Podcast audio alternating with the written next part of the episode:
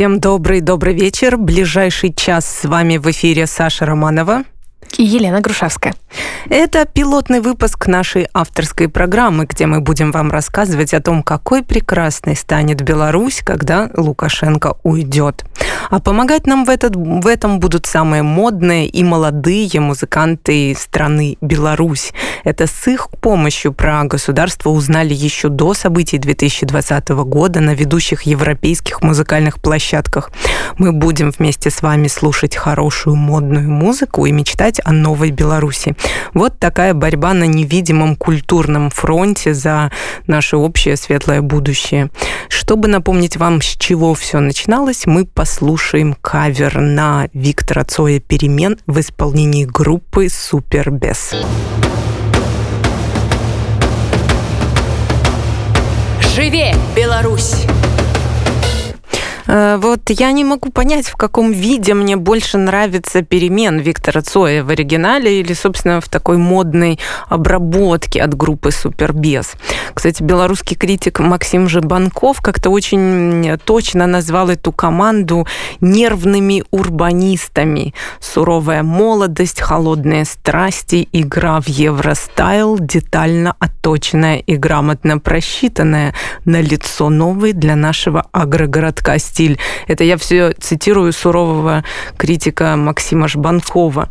Но если пять лет назад грозе музыкальной и кинокритики казалось, что Супербес – это экспортный вариант для новых времен, то в 2021 году кажется, что и времена уже какие нужно, и с экспортом слишком жестоко. Нам самим такие ребята нужны в Беларуси. Хотя, конечно, если Лукашенко сохранит свой режим, выдавливающий все живое и талантливое, то группам вроде Супербес будет гораздо проще найти себя за границей, чем, скажем, этно-трио Троицы или Александру Помидорову.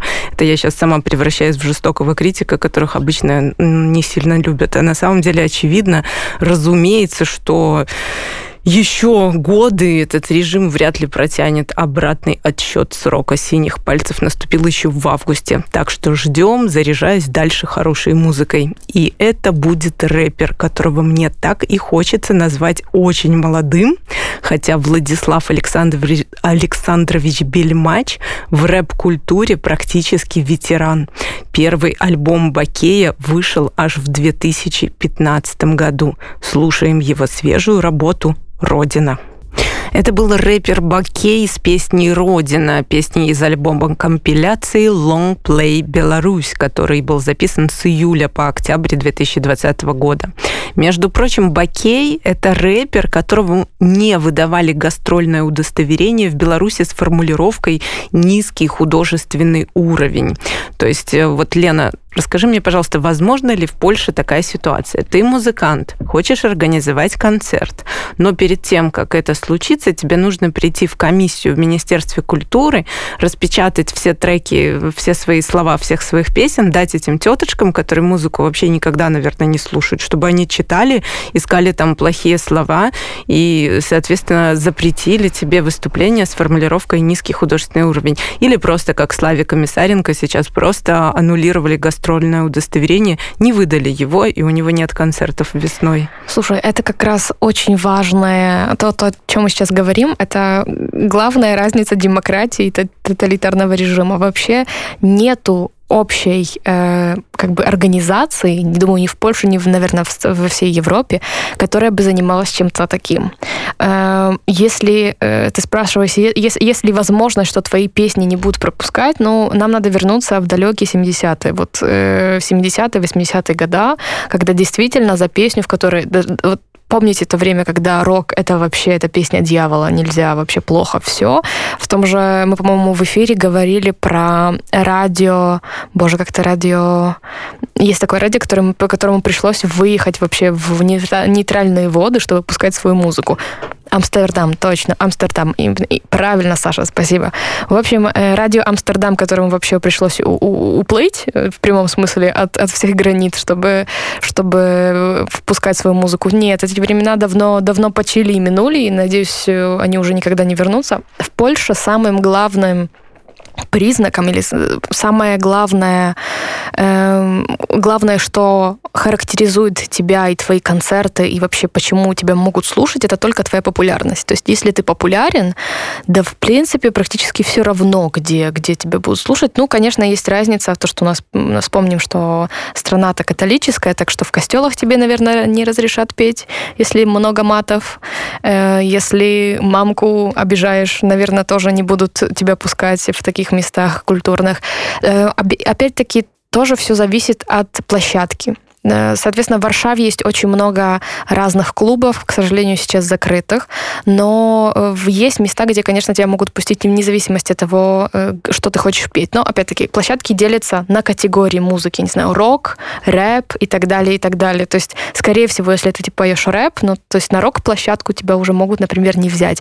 Но это, ну, никто тебе не будет говорить, что, смотри, твои тексты нам не подходят, пусти, пожалуйста, что-нибудь полегче. художественный Низкий уровень. художественный уровень, это точно ну, думаю, ну, когда-то же было, помни, помните, в 90-х была какая-то невероятная борьба между рэпом и, и роком, когда, ну, я помню все эти кричалки, типа рэп говно, нет, но ну, вот с э, точки зрения музыканта, это, это безумно обидно вот получить такую формулировку, хотя ты, ты знаешь, и публика твоя тоже классная, и тоже все знают, что ты э, прекрасные песни пишешь, и вот так, вот такое, такая пощечина. И мне очень нравится цитата э, Бакей, этот рэпер, он давал интервью одному из СМИ, по-моему, журналу «Большой», где э, пытался рассуждать, что же такое высокий художественный уровень, если вот низкий – это он. То есть что такое средний художественный уровень? Вот есть такой певец Александр Солодуха, который на «Динамо» давал концерт за 2 рубля, ну, чтобы собрать это самое «Динамо». То есть это средний художественный уровень или высокий? А если приезжает Филипп Киркоров с шоу «Я» или «Лепс», это высокие, соответственно, да, потому что на них идут взрослые люди, платят деньги. Вот это, Бакей... наверное, дешевый уровень. То есть, если есть такая рубрика, то, наверное, вот дешевый уровень это вот туда. Ну, на самом деле, думаю, что концерты вообще во всем мире, они, ну, то есть все зависит от рынка все во всем мире зависит от рынка. Это не зависит от какой-то организации, которая тебе говорит, э, поправочка, организация здравоохранения, да, сейчас, но это исключительная ситуация, потому что мы говорим э, о нашей э, болезни, которую нельзя называть, но во всем мире концерты зависят только исключительно от количества людей, которые хотят тебя послушать. Если тебя хочет послушать 100 человек, и ты очень популярен в какой-то стране, но здесь тебя хочет послушать 100 человек, ну прости, больше, чем 100 человек не придет. Но никто тебе не скажет, мы не будем мы не будем тебя пускать, потому что у тебя низкий художественный уровень. Просто ты закажешь помещение на тысячу, а придет сто. Вот чтобы резюмировать нашу беседу, вот я считаю, что в Беларуси будущего комиссии, которые определяют, что можно слушать молодежи, а что нельзя, должны уйти в прошлое вместе с трупом Советского Союза, который запрещал Пинк Флойд и даже группу Scorpions.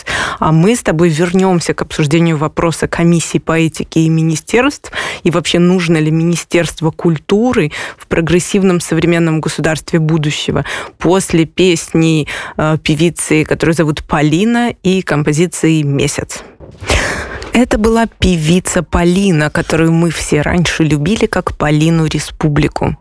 А сейчас вернемся к теме министерств, гастрольных удостоверений и запретов э, белорусских музыкантов, которые мы с Еленой начинали ровно песню назад. Вот недавно на Кукорг выходило интервью с руководителем свободного театра Николаем Халезиным, где он предлагает реформировать Министерство культуры. Вот что говорит Николай.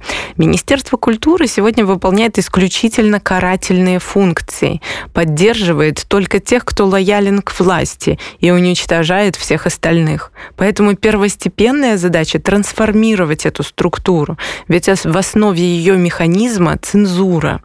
Ну, Коля вспоминает свой свободный театр, который никогда официально не был зарегистрирован в Беларуси, хотя поначалу возможности были, и потому что в таком случае каждую постановку пришлось бы согласовывать вот с этим цензурным комитетом, который тебе выдает таблички низкий ты художественный уровень или высокий.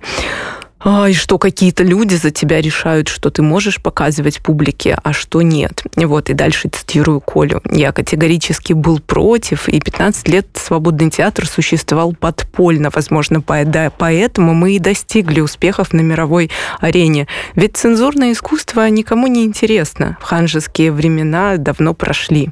Вот э, совершенно согласна с Колей, и по его мнению, Министерство культуры в Беларуси должно быть расформировано, потому что оно не занимается ничем, э, кроме вот этой своей карательной функции. Этим можно выступать, а этим нельзя выступать.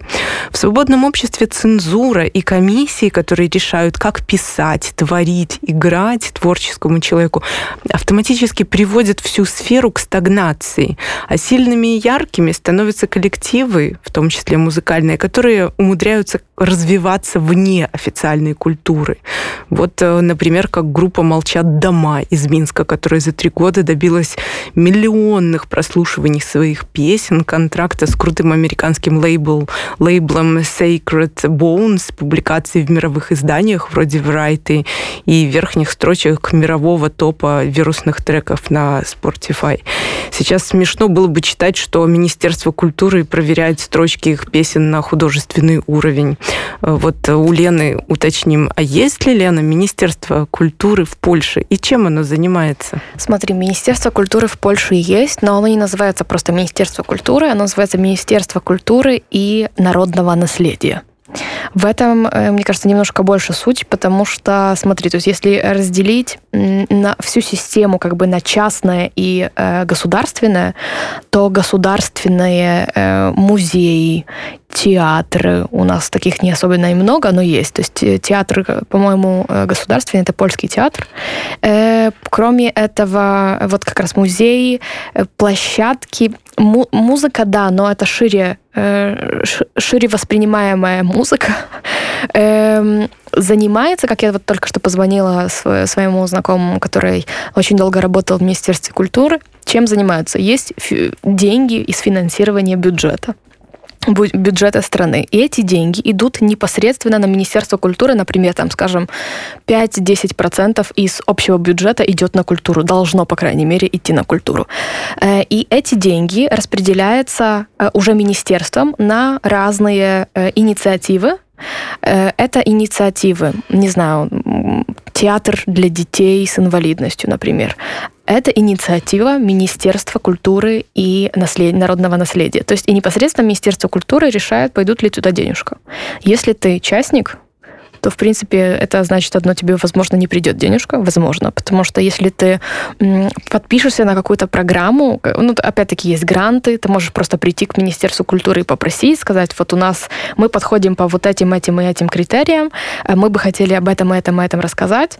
Э, как раз очень специфическая тема была э, в последнее время связана как раз с Министерством культуры, потому что, во-первых, э, Министерство культуры во времена э, болезни, которые нельзя называть, финансировало некоторых, некоторых творцов, то есть некоторых людей, участников культуры всяких, э, и тоже список был, э, список, скажем так, был очень сильно подозрительный, но это все зависит как раз от того, кто пришел и попросил денежку. Ну и как раз все, кто пришли и попросили денежку, сразу же весь этот список, который, соответственно, явный. То есть э, здесь это очень важная вещь, то есть все люди, которые, э, которым министерство финан, финан, э, финансирует их деятельность, все э, явные, и можно, и любой человек может зайти на их страницу и прочитать, кому и сколько денег куда пошло.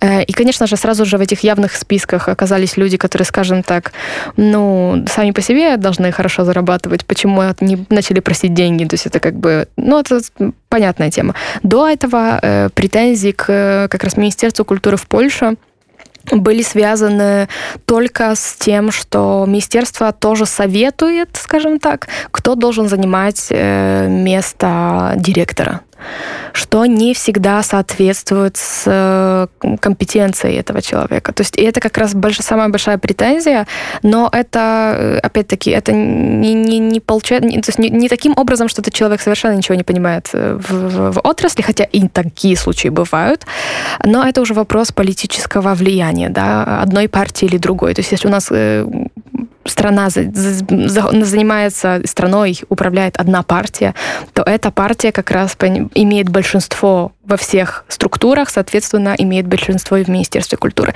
Здесь, конечно, э, тоже есть некоторые минусы, с которыми я, честно говоря, тоже соглашусь. Я бы хотела, чтобы на месте сидел человек с э, высокими компетенциями, нежели человек, который принадлежит определенной партии. Но это, опять-таки, демократия, да, у нас тут э, кто управляет, управляет большинство. Не меньшинство, а большинство. И тут мы возвращаемся к нашей теме. Э, ну, я слушаю тебя и просто вот понимаю, насколько становится все сразу интересно, когда в таком явлении, как Министерство культуры, появляется фактор демократии, потому что мы спускаемся с уровня того, что какой кошмар они делают, и как они там зажимают и не дают работать, и запрещают на хороших, нормальных артистов, к вопросу, они деньги не тем дали. У нас Министерство культуры не дает, ну, то есть, если посмотреть, кому Министерство культуры не дает. Запишем это, пожалуйста, в наш джингл. Министерство культуры не дает деньги, вот, э, вот эти вот э, э, театры для детей с инвалидностью организуются на частные деньги. Вот хосписы, вот. это все Вот понимаешь, и здесь как раз очень важно, потому что очень большую роль отыгрывают гранты и всякие программы государственные. Это иногда общеевропейские программы, это иногда международные программы, это иногда э, внутрипольские программы, которые имеют свою как бы социальную социальную роль, а должны отыгрывать свою социальную роль. Опять-таки, ты, как гражданин Польши, имеешь право предложить такую программу. То есть это тоже система, которая, по идее, должна быть очень подвижной и эластичной. То есть в смысле, если ты там собрала э, невероятное количество подписей и сказала, вот, смотрите, пришла к Министерству культуры и такая, ребята, вот у меня тут идея, давайте мы сделаем вот здесь, вот подписи, количество людей, которые хотели бы поучаствовать, вот мы тут, э, у нас тут мало денежек, там, например, мы могли бы заплатить 30%, хотели бы вы вот 70 доложить? И Министерство финансов, это пер, э, финансов, Министерство культуры, это все перерабатывает. Ну, типа, соответственно, это тоже продолжается определенное время. Они это пока перемелят все. Э, ну и потом они такие дают свое решение, говорят, нет, слушайте, 70 мы не дадим, но можем дать 80. Что вы скажете? Ну, в общем, и, и вот таким вот образом как бы это, это все и выглядит.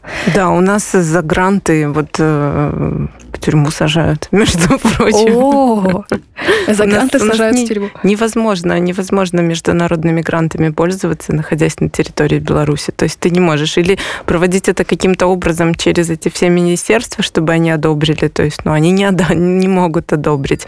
Вот, ну и такая, в общем, патовая а какое ситуация. Есть, а какое объяснение тому, что гранты не, не, не берут? Ну как кукловоды? Ну а, как кукловоды, ты, ты что ага, не видишь это сейчас? Э, да, да, вот, да. Вот ты посмотри на 2000, да, 2020 год, и ты увидишь э, вот каждое объяснение вот всем вопросам, которые кукловоды. у тебя в голове, да, ну вот есть чешские, польские, как мы знаем, литовские, вот кукловоды э, накачивают. Настолько знаем, что некоторые это мы накачивают деньгами, понимаешь, людей в Беларуси, которые перестают быть патриотами и вот хотят за лживыми ложными ценностями в глубинного государства стремиться.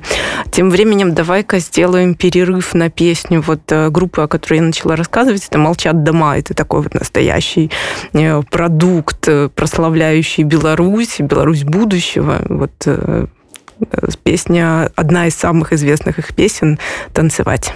Это была группа «Молчат дома» со своим хитом «Танцевать». Вот трое парней совершили стремительный и очень яркий прыжок в мировой контекст. Так пишут про группу «Молчат дома» музыкальные критики. Этот мрачный постпанк из 90-х одновременно похож на группу кино и, может быть, Депиш Мод. И стоит тебе заикнуться в Фейсбуке о том, что ты в восторге от «Молчат дома», как твои подписчики сразу накидают тебе 10 штук других имен музыкантов со словами «Ну, молчат дома же не первые, вон рога и копыта в таком-то стиле еще в таком-то году, пять лет назад лобали». Ты честно включаешь рога и копыта, слушаешь и понимаешь, в чем секрет бешеного успеха именно «Молчат дома». Они легкие, стильные выверенные, без трэша в музыке, очень профессиональные, очень музыкальные. И именно поэтому их русские, их песни на русском орут британцы и французы на концертах в Англии и во Франции. И мне очень жаль, что первый сольный концерт э, группы «Молчат дома» в Минске так и не состоялся из-за, ну, сначала из-за коронавируса, а после из-за политической ситуации. Но ребята очень тонко поддержали протестующий белорусский народ, сняв клип на песню «Звезды», где такой работник ЖКХ, которому государство поручает замазывать граффити с Ниной Богинской и бело-червоно-белыми э, флагами, вдруг становится художником-авангардистом. Вот это все значит, что звездный час на родине и в мире умолчат дома, только впереди. Дайте нам вернуться в родную страну. И вот тогда на первой вечеринке, где будут все ныне политзаключенными, нам сыграют «Молчат дома».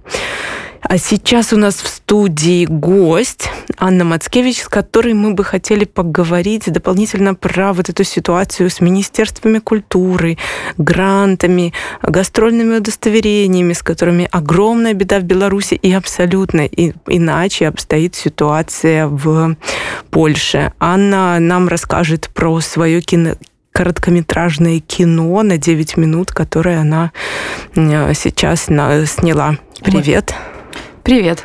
Мы надеемся, что мы, конечно, тоже по, мы сможем показать это кино хотя бы на нашем Фейсбуке. Напоминаю о том, что каждый из вас может э, к нам добавиться в Фейсбуке, с нами поговорить, э, нам написать, выслать свою песню, если есть такая, есть такая идея. Выслать свой фильм. Мы, надеюсь, мы тоже можем какой-нибудь фильм показать.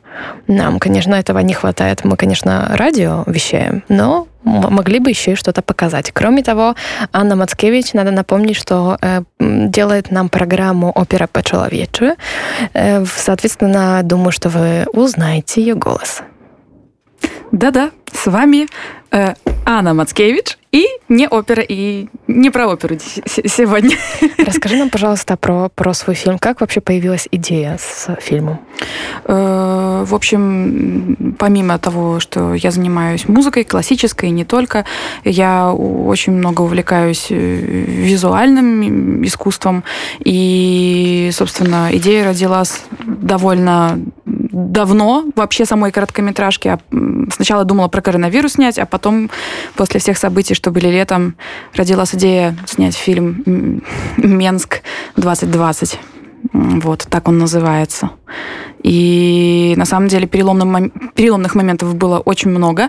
А, но почему я решила написать э, именно такой сценарий, э, этому послужила э, причиной ситуация, которая имела место быть 15 ноября, когда все пришли на мемориал Рома Бондаренко, и их просто выслеживали в домах, и когда люди писали, что там по 18 человек на полу в одной комнате лежало, это, это меня до глубины глубины души затронуло, потому что одно дело на улице, дома хоть какое-то ощущение безопасности есть, а тут уже, ну, все, вообще нигде его нету. А, ты брала съемки, которые уже существовали, которые люди снимали на площади перемен? М-м. Это, это художественная короткометражка. Она не полностью э, как бы по э, чьим-то историям, она по мотивам. Э, я бы назвала даже это рождественский хоррор, потому что она снималась как раз в декабре, и везде фонарики, рождественские украшения, поэтому, скажем так, место и время другие, а события очень похожие. Какие герои уча- берут, участвуют в твоем, в твоем фильме? Кто это? Э, в общем, я сейчас так постараюсь рассказать, чтобы без спойлеров. Э, это такая история выжившего. Я думаю, что для меня это лично очень важно, потому что я сама в Варшаве была все это время. И э, это история про вину выжившего, потому что есть две героини. Помимо как бы других протестующих, которые скрываются от сотрудников ОМОНа, и сотрудники ОМОНа тоже там есть, эм, но главные героини их двое и одна убегает от ОМОНа, а вторая нет. Вот. И эта история как раз-таки той, которая убежала. Угу. История как бы двух, два пути, по которому можно или, или не можно пойти.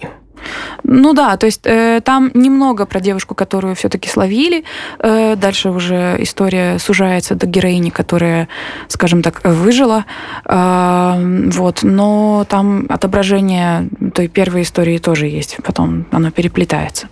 А как вы съемки в эпидемию болезни, которую нельзя называть, проводили?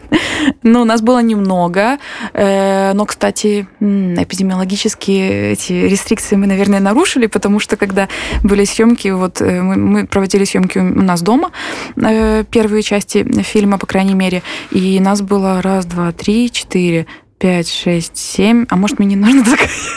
Короче, нас было э, ну, так, до 10. надо было сказать, что уже нет. Уже все, все остальные Хорошо, мне это приснилось. Остальные были домашними животными. О, да, у меня есть Или члены семьи. Кролика. Да, члены семьи там тоже были. Вот, у меня вот муж записан э, как ассистент по свету, потому что он ассистировал по свету. Потому что дается свет своей любви. Да. А скажи, пожалуйста, вот э, Центр белорусской солидарности, какое он участие принимал вот в этих съемках? Э, ну, во-первых, э, во, во второй главной роли э, Стася Глинник снималась. Вот. Э, ну, и я думаю, что они поддержат нас.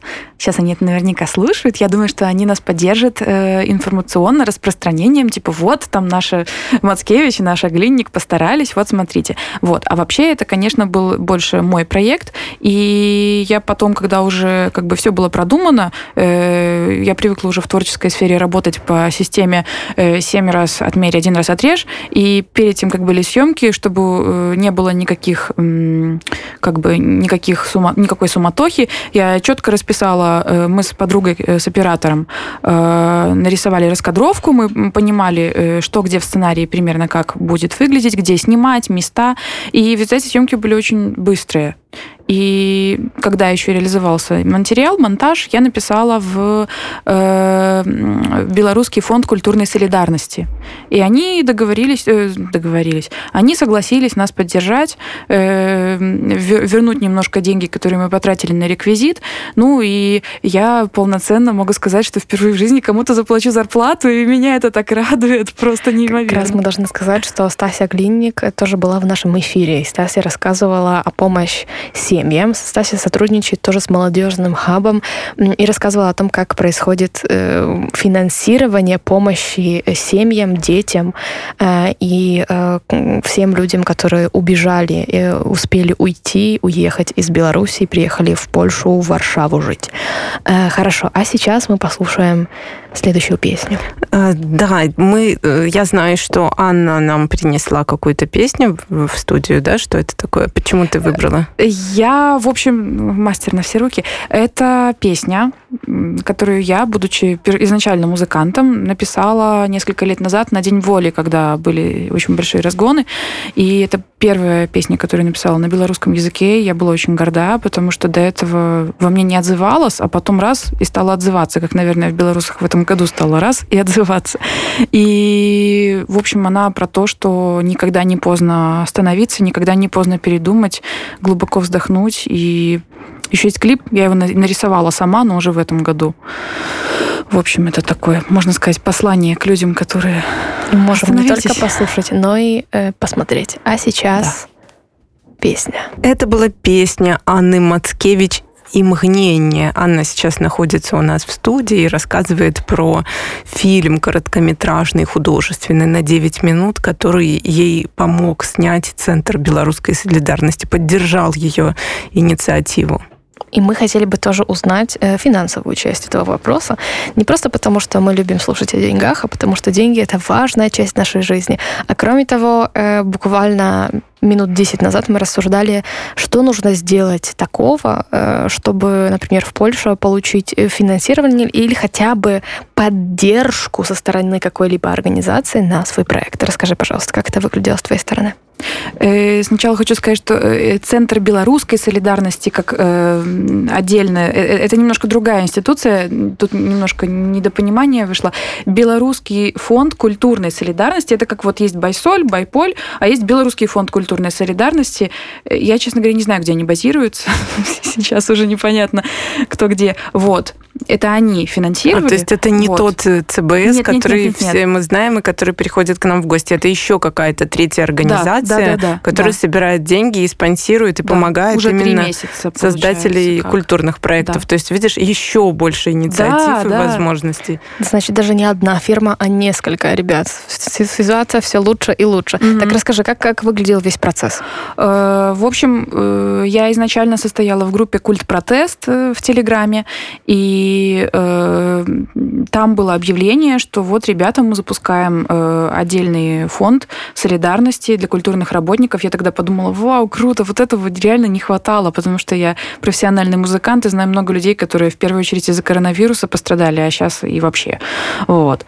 И эм, а там было сразу написано, что пишите ваши идеи, если э, ну, как бы идею поддержит, э, то мы ее финансово поддержим, поможем вам, прорекламируем. Э, если вы потерпели от репрессий, то мы э, тоже поможем вам финансово. У них это на сайте написано. Вот. И на сайте можно было запомнить, заполнить форму, где я там написала, кто я, что я, кем я являюсь, что я, чем я занимаюсь, что я делаю. И там была форма, э, сколько вам нужно денег. Ну, я человек не наглый, а реалистичный, поэтому я посмотрела, сколько у меня ушло на реквизит, сколько времени мы со съемочной командой потратили, сколько мы были готовы вложиться как волонтеры. Вот. И я примерно знаю, как в киноиндустрии, по крайней мере, здесь, в Варшаве, выглядит э, зарплата, например, для статистов, для эпизодистов. Очень низкая. Это, это не то, что это не камень в твой, в твой огород, я просто сравнивала с другими А, странами. В, в Польше очень, очень, мало да. платят статистам. Да, то есть, это если вы правда. хотите есть, э, не знаю, за бугор, в смысле в Киев, там, там платят побольше. Поэтому я немножко больше, я подняла это. Так сколько, Аня, сумма, сумма, сколько Сколько денег? Нам нужны деньги. Да, всего вышло 530 вроде евро, так, по-моему, евро, да. Э, сейчас, секундочку, потому что мы справе- проверяли по долларам. Да-да-да. 530 долларов – это э, почти 2000 злотых. Если 530 евро, Побольше это, это 2, наверное, 2500. Да, это 2400 какая у Вот, меня. да. И 300 злотых у нас ушло на реквизит, потому что, на самом деле, это очень мало, потому что у меня было несколько знакомых, которые, э, собственно, свою технику давали даром, э, так сказать, ради общего дела. Э, Вот. И снимали мы форму ОМОНа, Э, да, это было. Вот, собственно, э, вещь, в чем очень помог Центр белорусской солидарности, а то бишь э, Саша Лобко и молодежный хаб, потому что физическим лицам они не имели права выдавать форму. Ну, представьте себе, человек взял себе форму и пошел там грабить магазин. вот. А, им нужна была официальная подпись официального юридического лица, и как Саша вечером поздно приехали, Саша, подпиши из машины, подписал, печать поставил.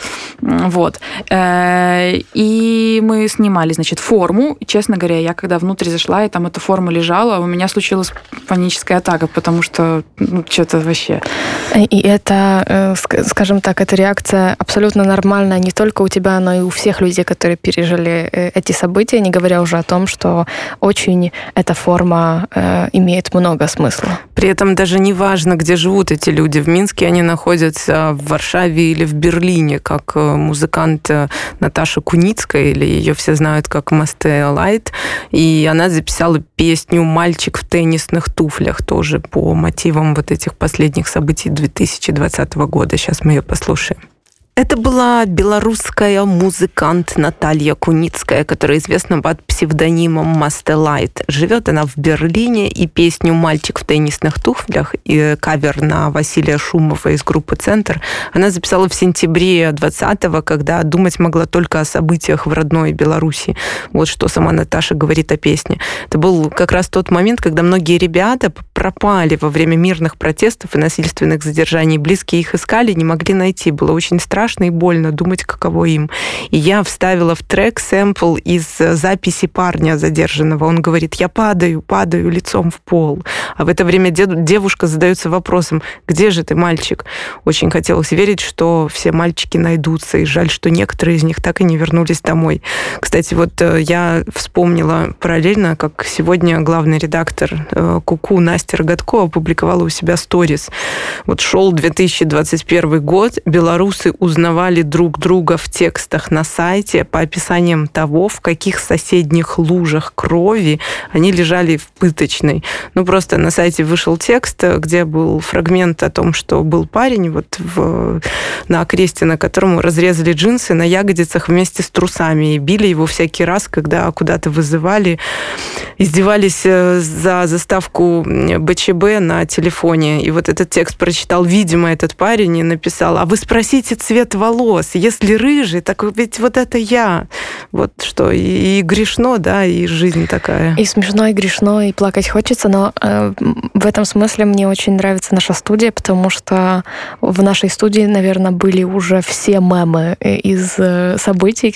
Опять-таки у нас была девушка, та девушка, которая курила и подавала сигарету ОМОНовцу, который ее в этот момент арестовывал.